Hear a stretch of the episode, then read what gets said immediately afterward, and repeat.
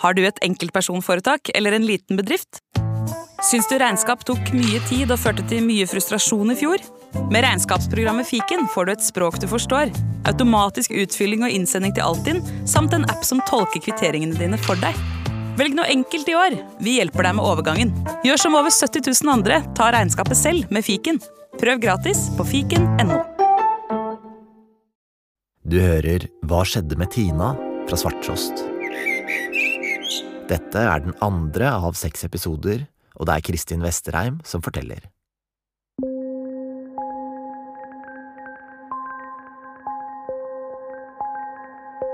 Jeg får litt sånn gåsehud nå òg, for det, liksom, det, det, er et bilde som har brent seg inn i, i, minnet mitt, som du aldri kommer til å glemme når du snakker om det.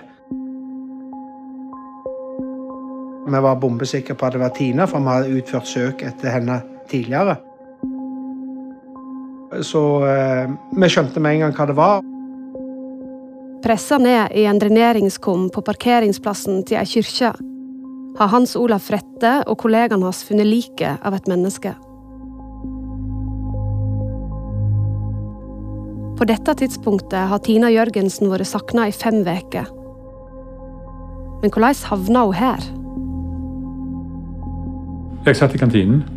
Jeg satt og spiste lunsj sammen med en kollega. Når de kommer opp og sier de har gjort et funn av en hundefører på Borå kirkegård i en kum der. Odd Tveit Jørgensen i politiet tenker med en gang at det må være snakk om et drap. Og Da kobla vi det direkte på at eh, det var eh, Tina som hunden. Og eh, det fikk vi bekrefta senere på kvelden, uten at det var gjennomført en fullstendig identifisering, men at alle opplysninger tyda på at det var henne. Han organiserer etterforskningen i lag med kollegaen Bjørn Kåredal. Ja, det skjer mye oppi hodet. Hva gjør vi nå? Sette oss ned, prøve å legge en plan for hva vi skal eh, begynne på, og hvordan vi skal nå angripe dette.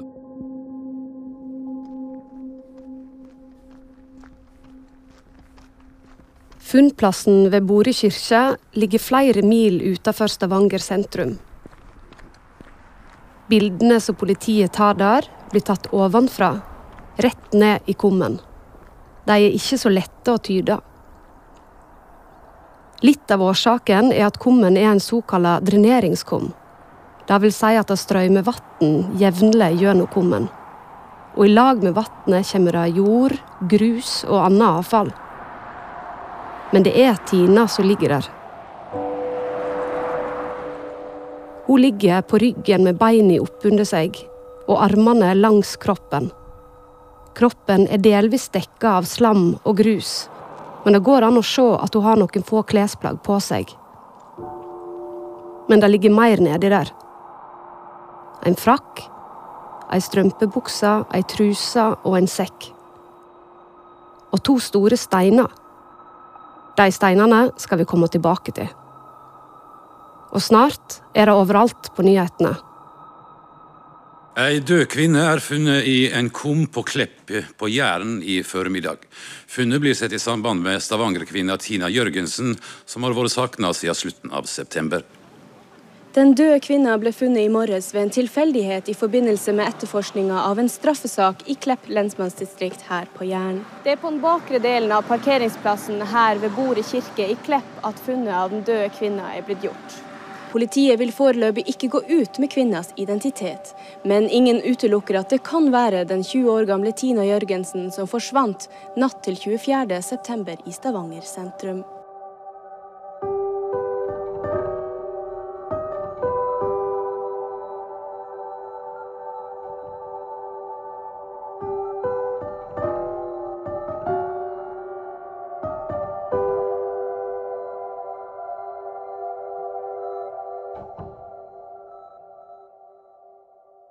Jeg husker når jeg kom hjem fra skolen, og så sto hun ene der og så så hun på meg, for de visste jo at jeg hadde ei venninne som hadde forsvunnet.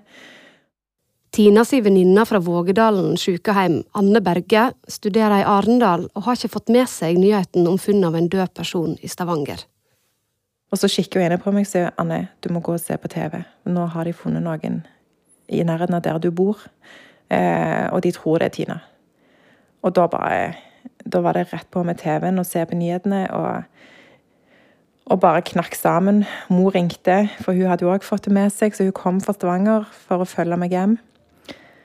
Men jeg gikk inn i en sånn en litt sånn eh, survive-modus. Jeg, jeg, husker at jeg når mor kom, så gikk vi en tur, og så gikk jeg inn på skolen. Og så gikk jeg bare inn til læreren min og sa du, nå har de funnet venninna mi, hun er drept. De har funnet henne. Eh, og jeg må hjem til Stavanger. Der blir jeg noen dager. Så du må gi meg skolearbeid. For jeg, jeg må jeg må være hjemme. Jeg kan ikke være på skolen.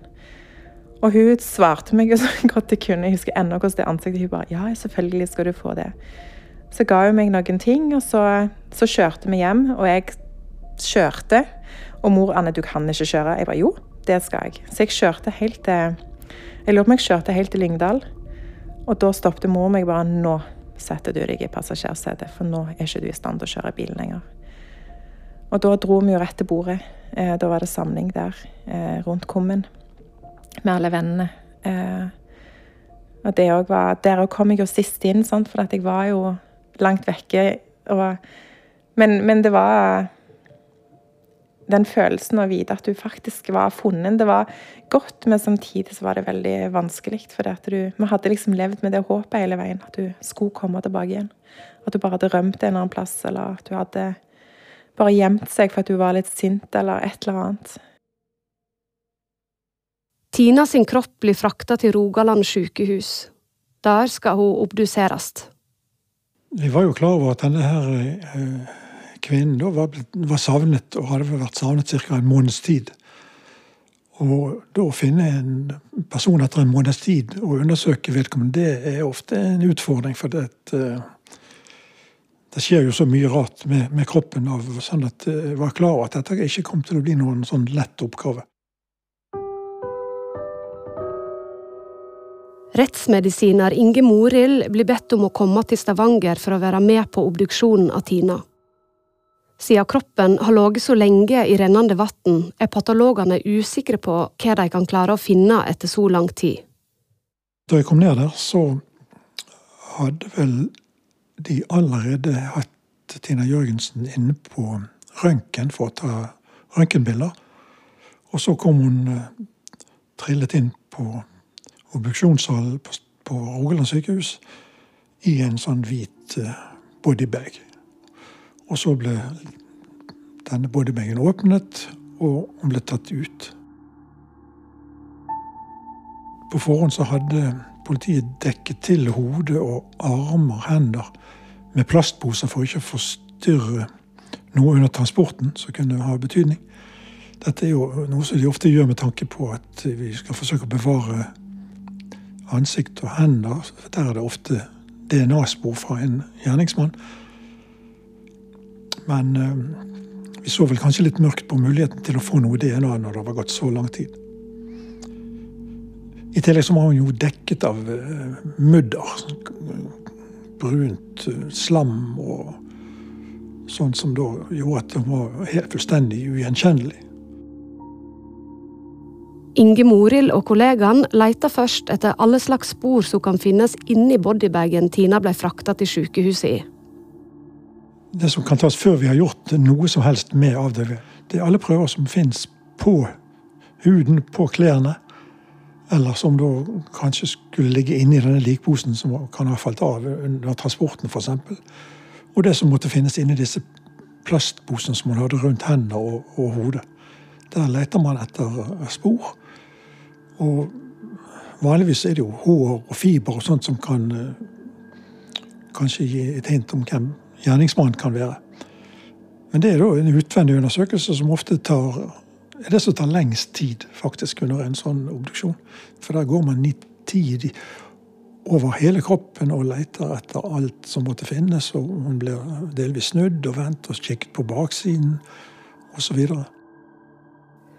Sporene de leter etter, kan være små hår på noen centimeter, så de kan DNA-teste og se om stammer fra en annen person enn Tina. Og de finner en god del hår i bodybagen.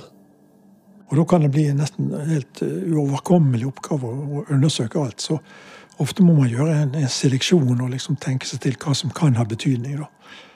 Men her kan jo kunne jo hva som helst ha betydning, så det var nokså vanskelig. Men jeg har noen bilder. Kan jeg kikke på de? Etter at krimteknikere og rettsmedisinere har leita etter utvendige spor i bodybagen, blir kroppen vaska slik at han kan undersøkes grundig. Morild har tatt vare på flere bilder som ble tatt under Tina sin obduksjon. Og du ser her eh, noe som ligner barnåler, det kan være hår. Dels er det hennes eget hår som er løsnet av og har kommet andre steder på kroppen. Men man vet jo ikke om, om det er hennes eller andres. Men her er hun da vasket. Morild peker på noen bilder av hodeskadene. Håret til Tina er vekke, slik at såret syns tydelig. Men stort sett ikke skader andre steder på kroppen. Skader på håndledd. Her er disse knusningssårene, spesielt her i, i hodet, da. Det som er tilfellet, er jo at disse er veldig parallelle. Og det, er typisk eh, det som heter stumpvollskader, der kantene er ujevne. Hvis det hadde vært et kniv, eller sånn, så ville det vært helt skarpkantet. Så dette er slått med en stump gjenstand. F.eks. stein. Men, men, de er veldig rettlinjete og smale, sånn at det kan godt ha vært en eller annen form for jernstang eller noe sånt. Kuttskadene som har i bakhovet, er så rette at det er vanskelig å se for seg at en tilfeldig stein kan sette slike spor. Inge Morild mener at det i så fall måtte ha vært en murstein av et eller annet slag. For det er snakk om veldig mange skader i hodet. Såpass mange at de får en patolog til å begynne å tenke. Når du får de så parallelt som dette her, flere stykker etter hverandre, så kan ikke vedkommende ha stått i ro og fått tre-fire slag etter hverandre på samme sted. Det, det, klarer du ikke. Så dette viser at hun antagelig har ligget med magen på magen og blitt slått mot hodet flere ganger. Sånn vil jeg tolke skadene, da. Tina Jørgensen har òg skader i ansiktet, men flesteparten av sårene er i bakhodet. Patologen sier at det rett og slett må en innsats til for å drepe et menneske.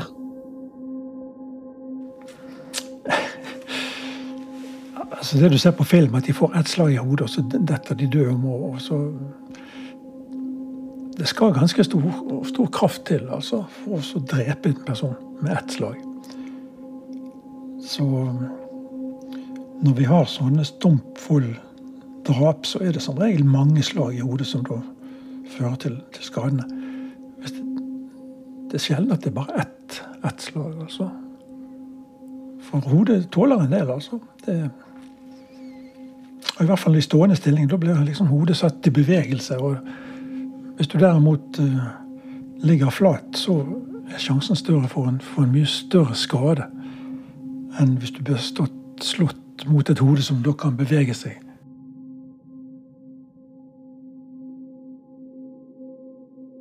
Altså, hvis offeret ligger på bakken og blir slått i hodet, så vil knusningsskadene rett og slett bli større enn hvis offeret står oppreist. Men Tina Jørgensen hadde ikke bare skader i hodet, hun hadde òg flere skader på armene. Inge Morild viser flere bilder. Se her handler det litt mer skarpkantede skader. Som da som da kanskje ser også ut som at de har blitt tilført i mens vedkommende har ligget i ro. Du ser at de skadene er helt parallelle. sant? Hvis du slåss for om en kniv, eller sånn, så får du skader på kryss og tvers og mange steder. Du får ikke fire-fem skader parallelt på samme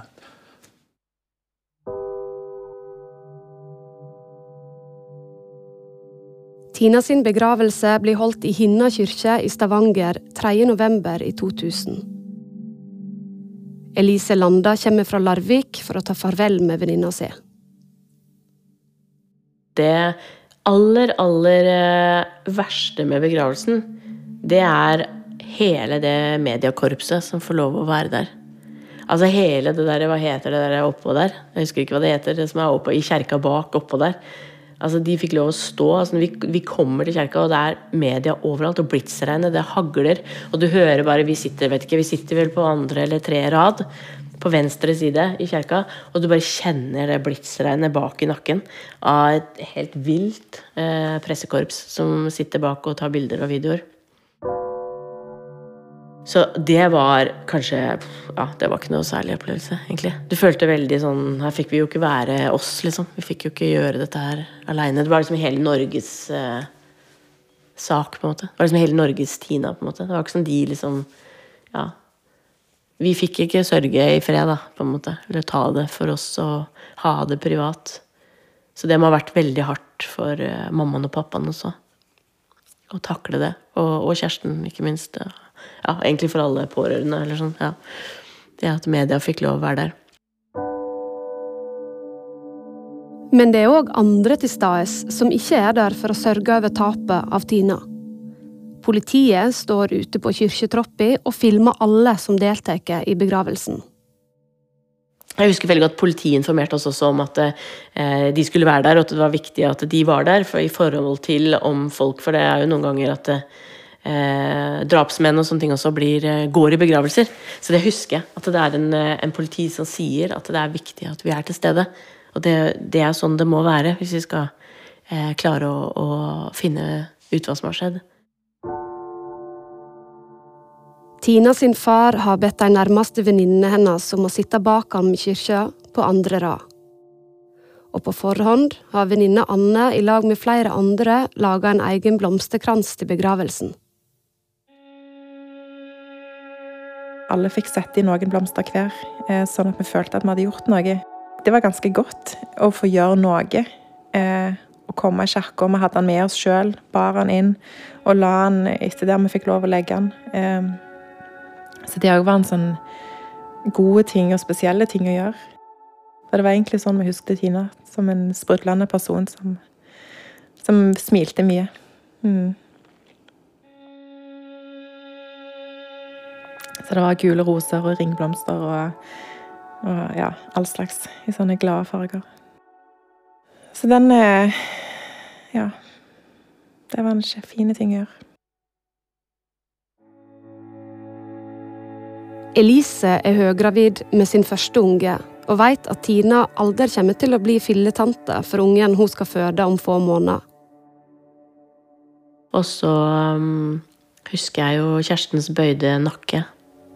Han satt liksom på motsatt eller på andre siden, og så kanskje ett lite hakk fram for oss. Og så husker jeg sangen som ble spilt. Eh, og det var jo da når Titanic-filmen gikk, eh, ikke sant. Eh, og det var jo hennes eh, My Heart Will Go On med Céline Dion. Det var jo yndlingssangen hennes. Så det husker jeg. Når de spilte den, det var liksom da tror jeg det var eh, rimelig mye følelser i lufta i den kirka.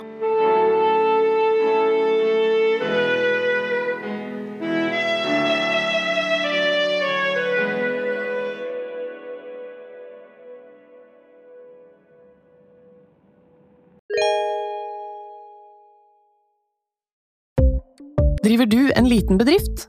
Da tenker du sikkert at dette er en reklame for fiken. Men det er det ikke, for vi er Folio. Folio er en banktjeneste for bedrifter, og vi er fikenbrukerne sin absolutte favoritt. Med Folio får du nemlig en superenkel nettbank og kjappere regnskap. Dessuten får du påminnelser om alt du ellers må huske på. Med Folio er alt samlet på ett sted, og du får umiddelbart kontroll over utgifter og kvitteringer. Besøk folio.no og se hvorfor bedrifter foretrekker oss fremfor de store bankene. Folio smartere enn banken.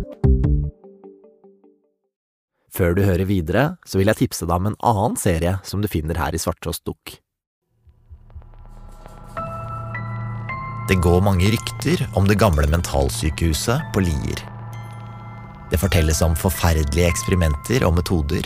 Den ble jo tatt inn på slaktebenken og bindt fast. Begynte de her å bore. Mennesker som levde under uverdige forhold. det er farlig å si ordet tortur, men, men som på en måte Da jeg var inne og snakka med noen som lå i belteseng f.eks., så, så har man liksom sånn opplevelse av at nå er jeg en type torturkammer. Og hundrevis av grusomme skjebner. Det er helt forferdelig. Dette har jeg gjort, altså. Dette har jeg vært med på. Det, det er helt jævlig. Men hva var det egentlig som skjedde på Lier sykehus? Hør Mentalsykehuset i Svarttrostdukk.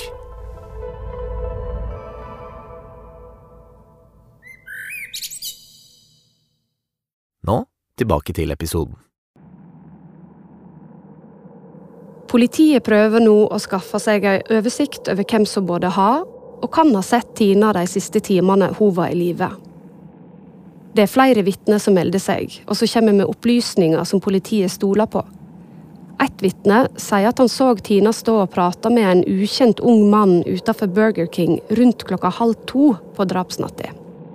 Mannen hadde halvlangt hår med midtskill og hadde på seg ei brun skinnjakke. Rundt klokka to ser noen ei lyshåra jente som springer over bybrua i retning Grasholmen, der Tina bodde. Hun springer på strømpelesten med et par sko i hånda. Åtte minutter over to betaler en passasjer for en taxitur til Grasholmen. På veien har sjåføren sett ei ung jente, muligens Tina, som går ned den mørke bakken fra brua. Hun gir tegn til sjåføren at hun vil ha kontakt og ha et par sko i hånda. Sjåføren bestemmer seg for å plukke opp jenta på tilbaketuren, men da er hun ikke der lenger. Noen beboere på Grasholmen forteller senere at de har hørt et hjerteskjærende skrik ca. kvart over to. Etter dette slutta alle spor. Vi organiserte jo etterforskningen i prosjekter. Det er også noe vi ikke hadde prøvd tidligere. Eh, det var noe vi, det var noe vi hadde planlagt da, den dagen at vi skulle prøve det. Bjørn Kåre Dahl sitter i etterforskningsledelsen i Tina-saken. Han får ansvaret for å organisere informasjonen som kommer inn til Stavanger-politiet. Blant annet lagde vi et prosjekt som heter Tipsprosjektet. Der vi satte en leder inn og, og en del som, som gikk gjennom disse. Oppgaven der var jo å plukke ut det som var relevant, og sjekke de ut. Gjerne ta de nødvendige avhør for å se om dette hadde noe med vår sak å gjøre eller ei.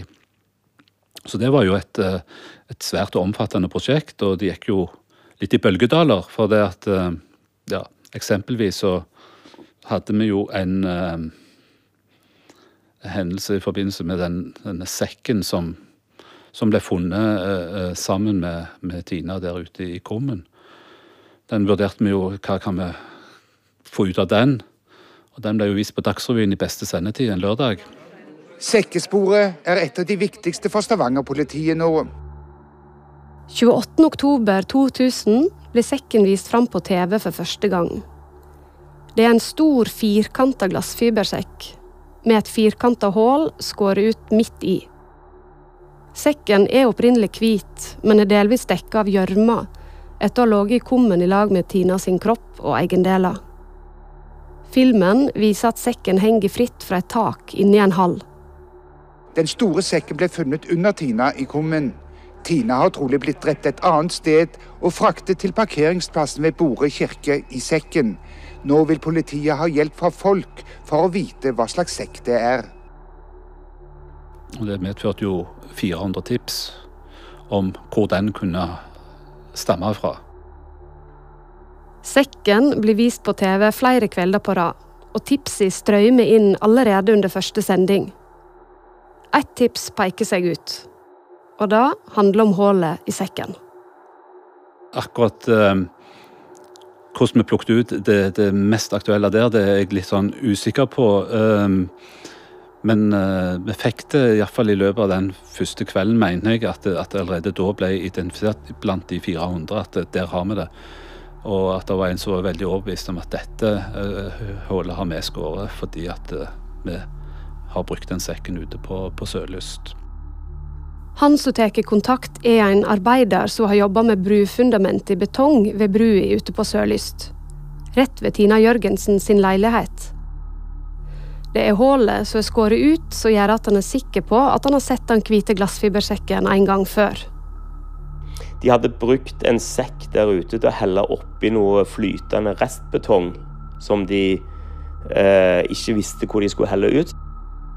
Erlend Frafjord, forfatter av boka 'Da Tina ble drept', forteller at arbeiderne deretter bestemte seg for å helle betongen oppi en av glassfibersekkene, og la alt stå der til det hadde størkna. Og så skulle det være planen å ta det videre og hive det i en konteiner. Eh, men de, da de hadde kommet på jobb, så hadde de jo funnet ut at eh, denne sekken var borte. da. Så han skjønte med en gang at dette var en sekk som stammer fra Grasholmen. Og På bakgrunn av det så ble det jo satt i gang etterforskning rundt dette brufundamentet på Grasholmen. Da begynte politiet å bli nokså sikre på at dette var et åsted, fordi drapsmannen må ha vært innom her og, eller drapsmannen må, må ha vært innom der og henta denne sekken. Det er, det er, utrolig krevende. eh, Og det å bli sikker på ting Det vi gjorde eh, mye, det er jo at eh, du har en person som observerer en, observerer en annen person. Og, og da prøver vi å verifisere med har vi andre personer som forklarte at de var der på samme tidspunkt. Bjørn Kåredal og politiet fortsetter å sette sammen bitene av det enorme puslespillet. Det er vitneavhør, observasjoner og annet materiale som til slutt skal ende opp som en oversikt over Tina sine bevegelser, og hva som har skjedd hvor drapsnatta. Vi etterlyste jo all bevegelse over brua. Både til fots, men òg kjørende. Sånn at vi skulle prøve å få snakke med folk hva de hadde gjort av observasjoner. Og, og, og få de òg til å beskrive seg sjøl, hvordan de sjøl har beveget seg. Og så er det jo en sånn analytisk jobb da, å sette sammen dette. Eh, og så er det jo sånn da at eh, folk husker ikke eh, helt nøyaktig. det er jo sånn vi er lagt.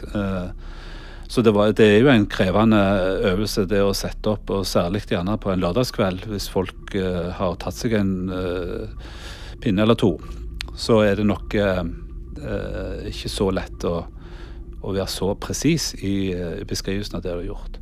Men vi gjorde jo dette, satte jo opp og, og lagde trekking på, på, kart, rett og slett, på hvordan de enkelte bevegte seg. Så har vi noen personer som vi da er usikre på. Politiet er ganske sikre på at Tina må ha gått hjem til Grasholmen fra Stavanger sentrum. Da at ei ung jente i lang frakk blir observert delvis springende på sokkelesten over bybrua, rimer med funnet på strømpebuksa som lå i kummen med Tina. Den var full av hull under fotsålene. På Sørlyst, bare 100 meter fra Tina sin leilighet, har drapsmannen venta på henne for så å overfalle henne rett ved betongfundamentet til brua. Det er antageligvis avkapp fra et gjerde i nærheten av fundamentet som blir brukt til å slå Tina i hodet, slik at hun til slutt dør. Så blir hun plassert i en bil og kjørt ut av byen. Men kroppen blir ikke kjørt direkte fra Sørlyst til Borø kirke. Og dette er en detalj som politiet inntil videre holder for seg sjøl. Hun blir sannsynligvis først kjørt til Revehavn, noen kilometer lenger ned ved kysten. Det er ei lita havn på Jærkysten der havet slår rett inn. Strondi er full av steiner av ulik type og størrelse. Grunnen til at politiet antar at Tina først ble frakta til Revehavn, er nettopp de to store steinene som ble funnet i kummen i lag med Tina. Kanskje planen har vært å senke Tina i havet. Steinene er av ulik type. Én flatere og en større rullestein. En geolog mener nemlig at kaianlegget på Reve er den plassen der de to steinene av ulik type har størst sjanse for å ha ligget tett inntil hverandre. Og slik havner begge i sekken. Men noe har antageligvis skjedd. Dermed blir Tina tatt med til parkeringsplassen ved Borud kirke og pressa ned i kummen. Der kunne hun ha blitt liggende i mange år om det ikke hadde vært for det mislykka ranet hjemme hos TS Stangeland. Bjørn Kåredal laga et prosjekt som heter Tina, for å se nærmere på de hun har hatt rundt seg. Hvem er det hun omgås, hvem er det noen som kan ha noe imot henne? Så, så gjorde vi en betydelig jobb rundt det. Avhørte de i omkretsen og spurte de bl.a. om det var noen som kunne ha eh, et eller annet imot henne, som kunne ha utført en sånn handling. Så det var et helt naturlig prosjekt, og der involverer vi jo de som er rundt. Politiet avhører Tina sin familie, de nærmeste vennene og flere bekjente på nytt og Elise Landa kommer nok en gang fra Larvik for å bistå politiet. Nei, Jeg husker veldig godt at de var veldig opptatt av kjæresten til Tina og hvilket forhold de hadde. Eh, jeg har jo fortalt på en måte politiet eh, om deres temperamentsfulle forhold. Og jeg vet at det er en del andre venner også som har ikke sant? For de spurte masse om det. Spurte masse om deres forhold. Anne, som jobber i lag med Tina på Vågedalen sykehjem, mistenker en i den nære kretsen. Hun veit at han har ei litt lurvete fortid, og måten han oppfører seg på i den tiden Tina forsvant, gjør at hun blir mistenksom. Mm. For du ble jo litt sånn, du greip jo etter halmstrået. Du ble jo ganske desperat etter å hjelpe og prøve å tenke på hva som kunne skjedd, hvem, hvem kan ha gjort det. Og, og vi bodde jo Eller han hadde jo leilighet eh, rett på nedsida av brua. Sånn at, det, at, når han gikk hjem, så kunne jo han ha gått forbi der Tina hadde gått. Så det var, det var så mange tilfeldigheter på en måte eh, som gjorde at jeg valgte å ringe politiet og komme inn til avhør og fortalte hva jeg trodde. Men de sjekka nå ut av saken, sånn at det, det var jo aldri noe. Men, men det, var, det, var, nok et sånt halmstrå som jeg bare Jeg måtte bare fortelle det, for jeg, jeg kunne ikke Jeg følte at jeg kunne ikke sitte og, og, og tenke at det, Tenk hvis jeg har egentlig visst hvem som har gjort det, eller jeg, jeg følte at jeg måtte, måtte si noe. Politiet i Stavanger har ingen mistenkte etter drapet på, drapet på Tina Jørgensen. Mediedekningen er enorm. Det går i ett på TV, i radio og i avisene. For Tina sine venninner er det nesten umulig å tenke på noe annet. Elise syns hun ser passbilder av Tina overalt. Tina Jørgensen, Tina Jørgensen, Tina Jørgensen. Det gikk jo sånn Ja, det ble du blir jo helt smårar når du har så tett forhold på noe som skjer på nyhetene. Fordi du, du blir jo proppa full av noe som er veldig nært og kjært. Som noe fælt, på en måte. Ikke sant? Så det blir sånn ekstra Det er nesten sånn BBC News, på en måte. Du får sånn helt sånn derre Ja. Man skal liksom sko seg på andres fæle ting, da. Og det var en voldsomt trøkk. Et voldsomt trøkk. Og det var sånn Uansett når du gikk på Narvesen eller i en butikk, ikke sant, så var forsiden var fulle av bildene av henne hele tida. Ikke sant? Og politiets kartlegging tar tid. Tina ble drept i slutten av september i 2000, og utover våren 2001 er ikke Stavanger-politiet nærmere noen løsning på saken. Og Kripos kommer da på banen i sterkere grad enn de har vært tidligere. Forfatter Erlend Frafjord tror etterforskerne tenker det er stor sannsynlighet, slik som i mange drap, at noen nær Tina står bak. Og De henger seg jo opp i at det har vært en krangel mellom Tina og kjæresten på byen denne kvelden. De har enkelte vitneavhør som tyder på at det er et forhold som ikke er veldig sterkt, og at kjæresten er en sjalu person. Det finnes et videoopptak fra uteplassen Smuget den kvelden Tina forsvant. På det opptaket dukker Tina sin kjæreste opp, og han er tydelig full. Kjæresten har aldri fortalt politiet at han har vært på Smuget. Han har bare fortalt at han gikk hjemover til fots i retning Grasholmen og Tina sin leilighet. Politiet mener derfor opptaket viser noe kjæresten har prøvd å holde skjult. Så de mener de har tatt han i en løgn.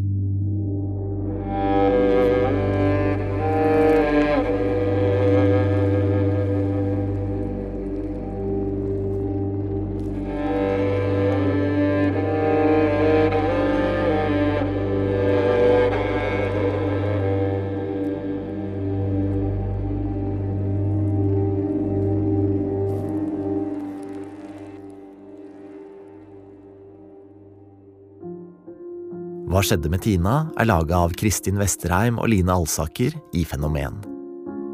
Klipp ved Tormod Brekke Øie. Lyddesign ved Hans Kristen Hyrve. Erlend Frafjord har bidratt med research og materiale fra boka Da Tina ble drept. Arkivklipp er fra NRK, og ansvarlig redaktør i Svarttrost er Kari Hesthamar. Tinas mor og den tidligere kjæresten hennes har blitt spurt om å delta, men har takka nei.